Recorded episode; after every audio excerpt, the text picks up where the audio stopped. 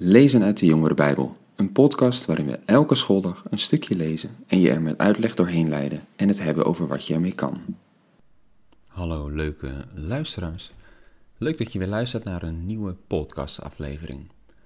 We zijn deze week aan het lezen in Marcus 4, waarin Jezus verhalen vertelt aan een grote menigte die hem is komen opzoeken. Vandaag lezen we dat Jezus verhalen gaat vertellen over het Koninkrijk van God. Nou, daarvoor moet je weten dat de Joden beloofd was dat God eens een koninkrijk zou stichten met Jeruzalem als middelpunt. Een koninkrijk op aarde. En dat zou zich over de hele aarde uitstrekken. En daarin eh, zijn de Joden een, het middelpunt. Zij zijn koningen en priesters, wordt er dan gezegd. Dus zij zullen meeregeren in dat koninkrijk. En zij helpen de andere volken om God te leren kennen. Een belangrijke taak dus dan zou het eindelijk vrede zijn in het land, dan zou alles goed zijn, dan zal er welvaart zijn. Geen oorlog meer. De Joden bevrijd van hun vijanden. Nou ja, hoe anders was dat in de tijd van Jezus toen hij deze verhalen vertelde? Ze waren bezet door de Romeinen, hadden het zwaar, regelmatig eh, was er honger.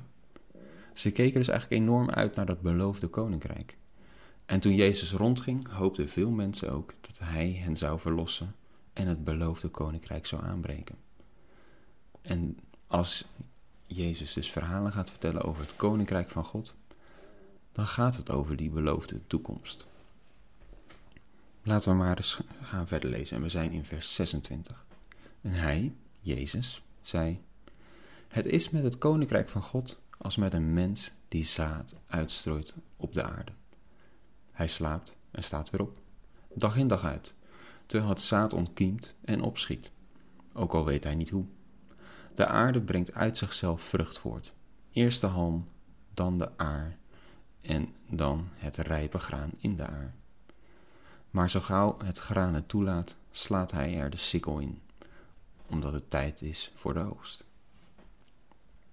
Nou, hier vergelijkt Jezus het weer met een boer. Maar de boodschap is nu anders dan wat we maandag lazen, de eerste dag. Daar had je ook een zaaier, maar hier is het, uh, je hoeft de boer niet zoveel te doen voordat het graan opkomt. Hij zaait het één keer en verder moet hij afwachten. De aarde die doet eigenlijk het werk en laat het graan groeien. Maar pas als het graan er klaar voor is, kan het geoogst worden.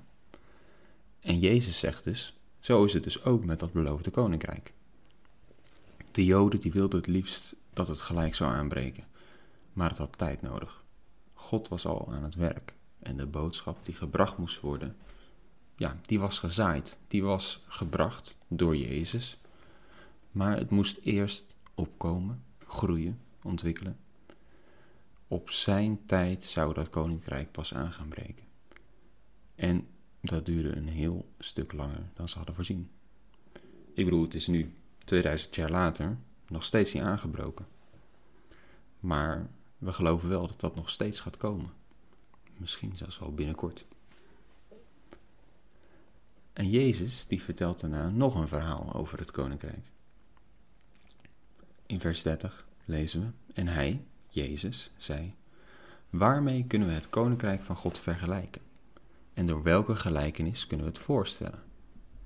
Het is als het zaadje van een mosterdplant, het kleinste van alle zaden op aarde, aan wanneer het gezaaid wordt. Maar als het na het zaaien opschiet, wordt het het grootste van alle planten en krijgt het grote takken, zodat de vogels van de hemel in zijn schaduw kunnen nestelen. Nu is het verhaal over een klein zaadje, het kleinste dat er is, en daar kan een hele grote plant uitkomen. Zo, zegt Jezus, is het ook met dat beloofde koninkrijk, waar de Joden zo naar uitkeken. Het begint klein. Misschien zien ze niet eens dat het al is gezaaid, dat het al er is. En dan kan je denken, nou, mooie verhalen over het koninkrijk, maar ik zie er niks van. Maar God is aan het werk. Het is er al en het groeit langzaam op totdat het een grote boom is geworden. En weet je, Misschien is dat vandaag ook wel zo. Misschien denk je vandaag ook wel eens mooie verhalen die we horen. Maar waar is God eigenlijk? Ik zie niet zoveel van hem. Nou ja, dat kan. En dat hoort eigenlijk ook een beetje bij deze tijd. Dat we niet zoveel van God zien. Weet je dat het zelfs in de Bijbel staat? Dat God in deze tijd niet meer zo zichtbaar is. Maar toch, God is bezig. En de dingen worden voorbereid voor alle beloften die gedaan zijn. Je zou het kunnen zien als je goed zoekt. En uiteindelijk zal die toekomst aanbreken die God beloofd heeft. Dat gold voor de Joden tegen wie Jezus sprak, maar dat geldt dus ook voor ons nu. Dat we verwachten dat Jezus nog een keer terugkomt. En want dat is waar wij naar uitkijken. Dat er op een gegeven moment een keer, dat noemen we dan de bezuin gaat klinken. Dan komt Jezus uit de hemel naar ons toe. En dan gaan wij hem ontmoeten in de lucht.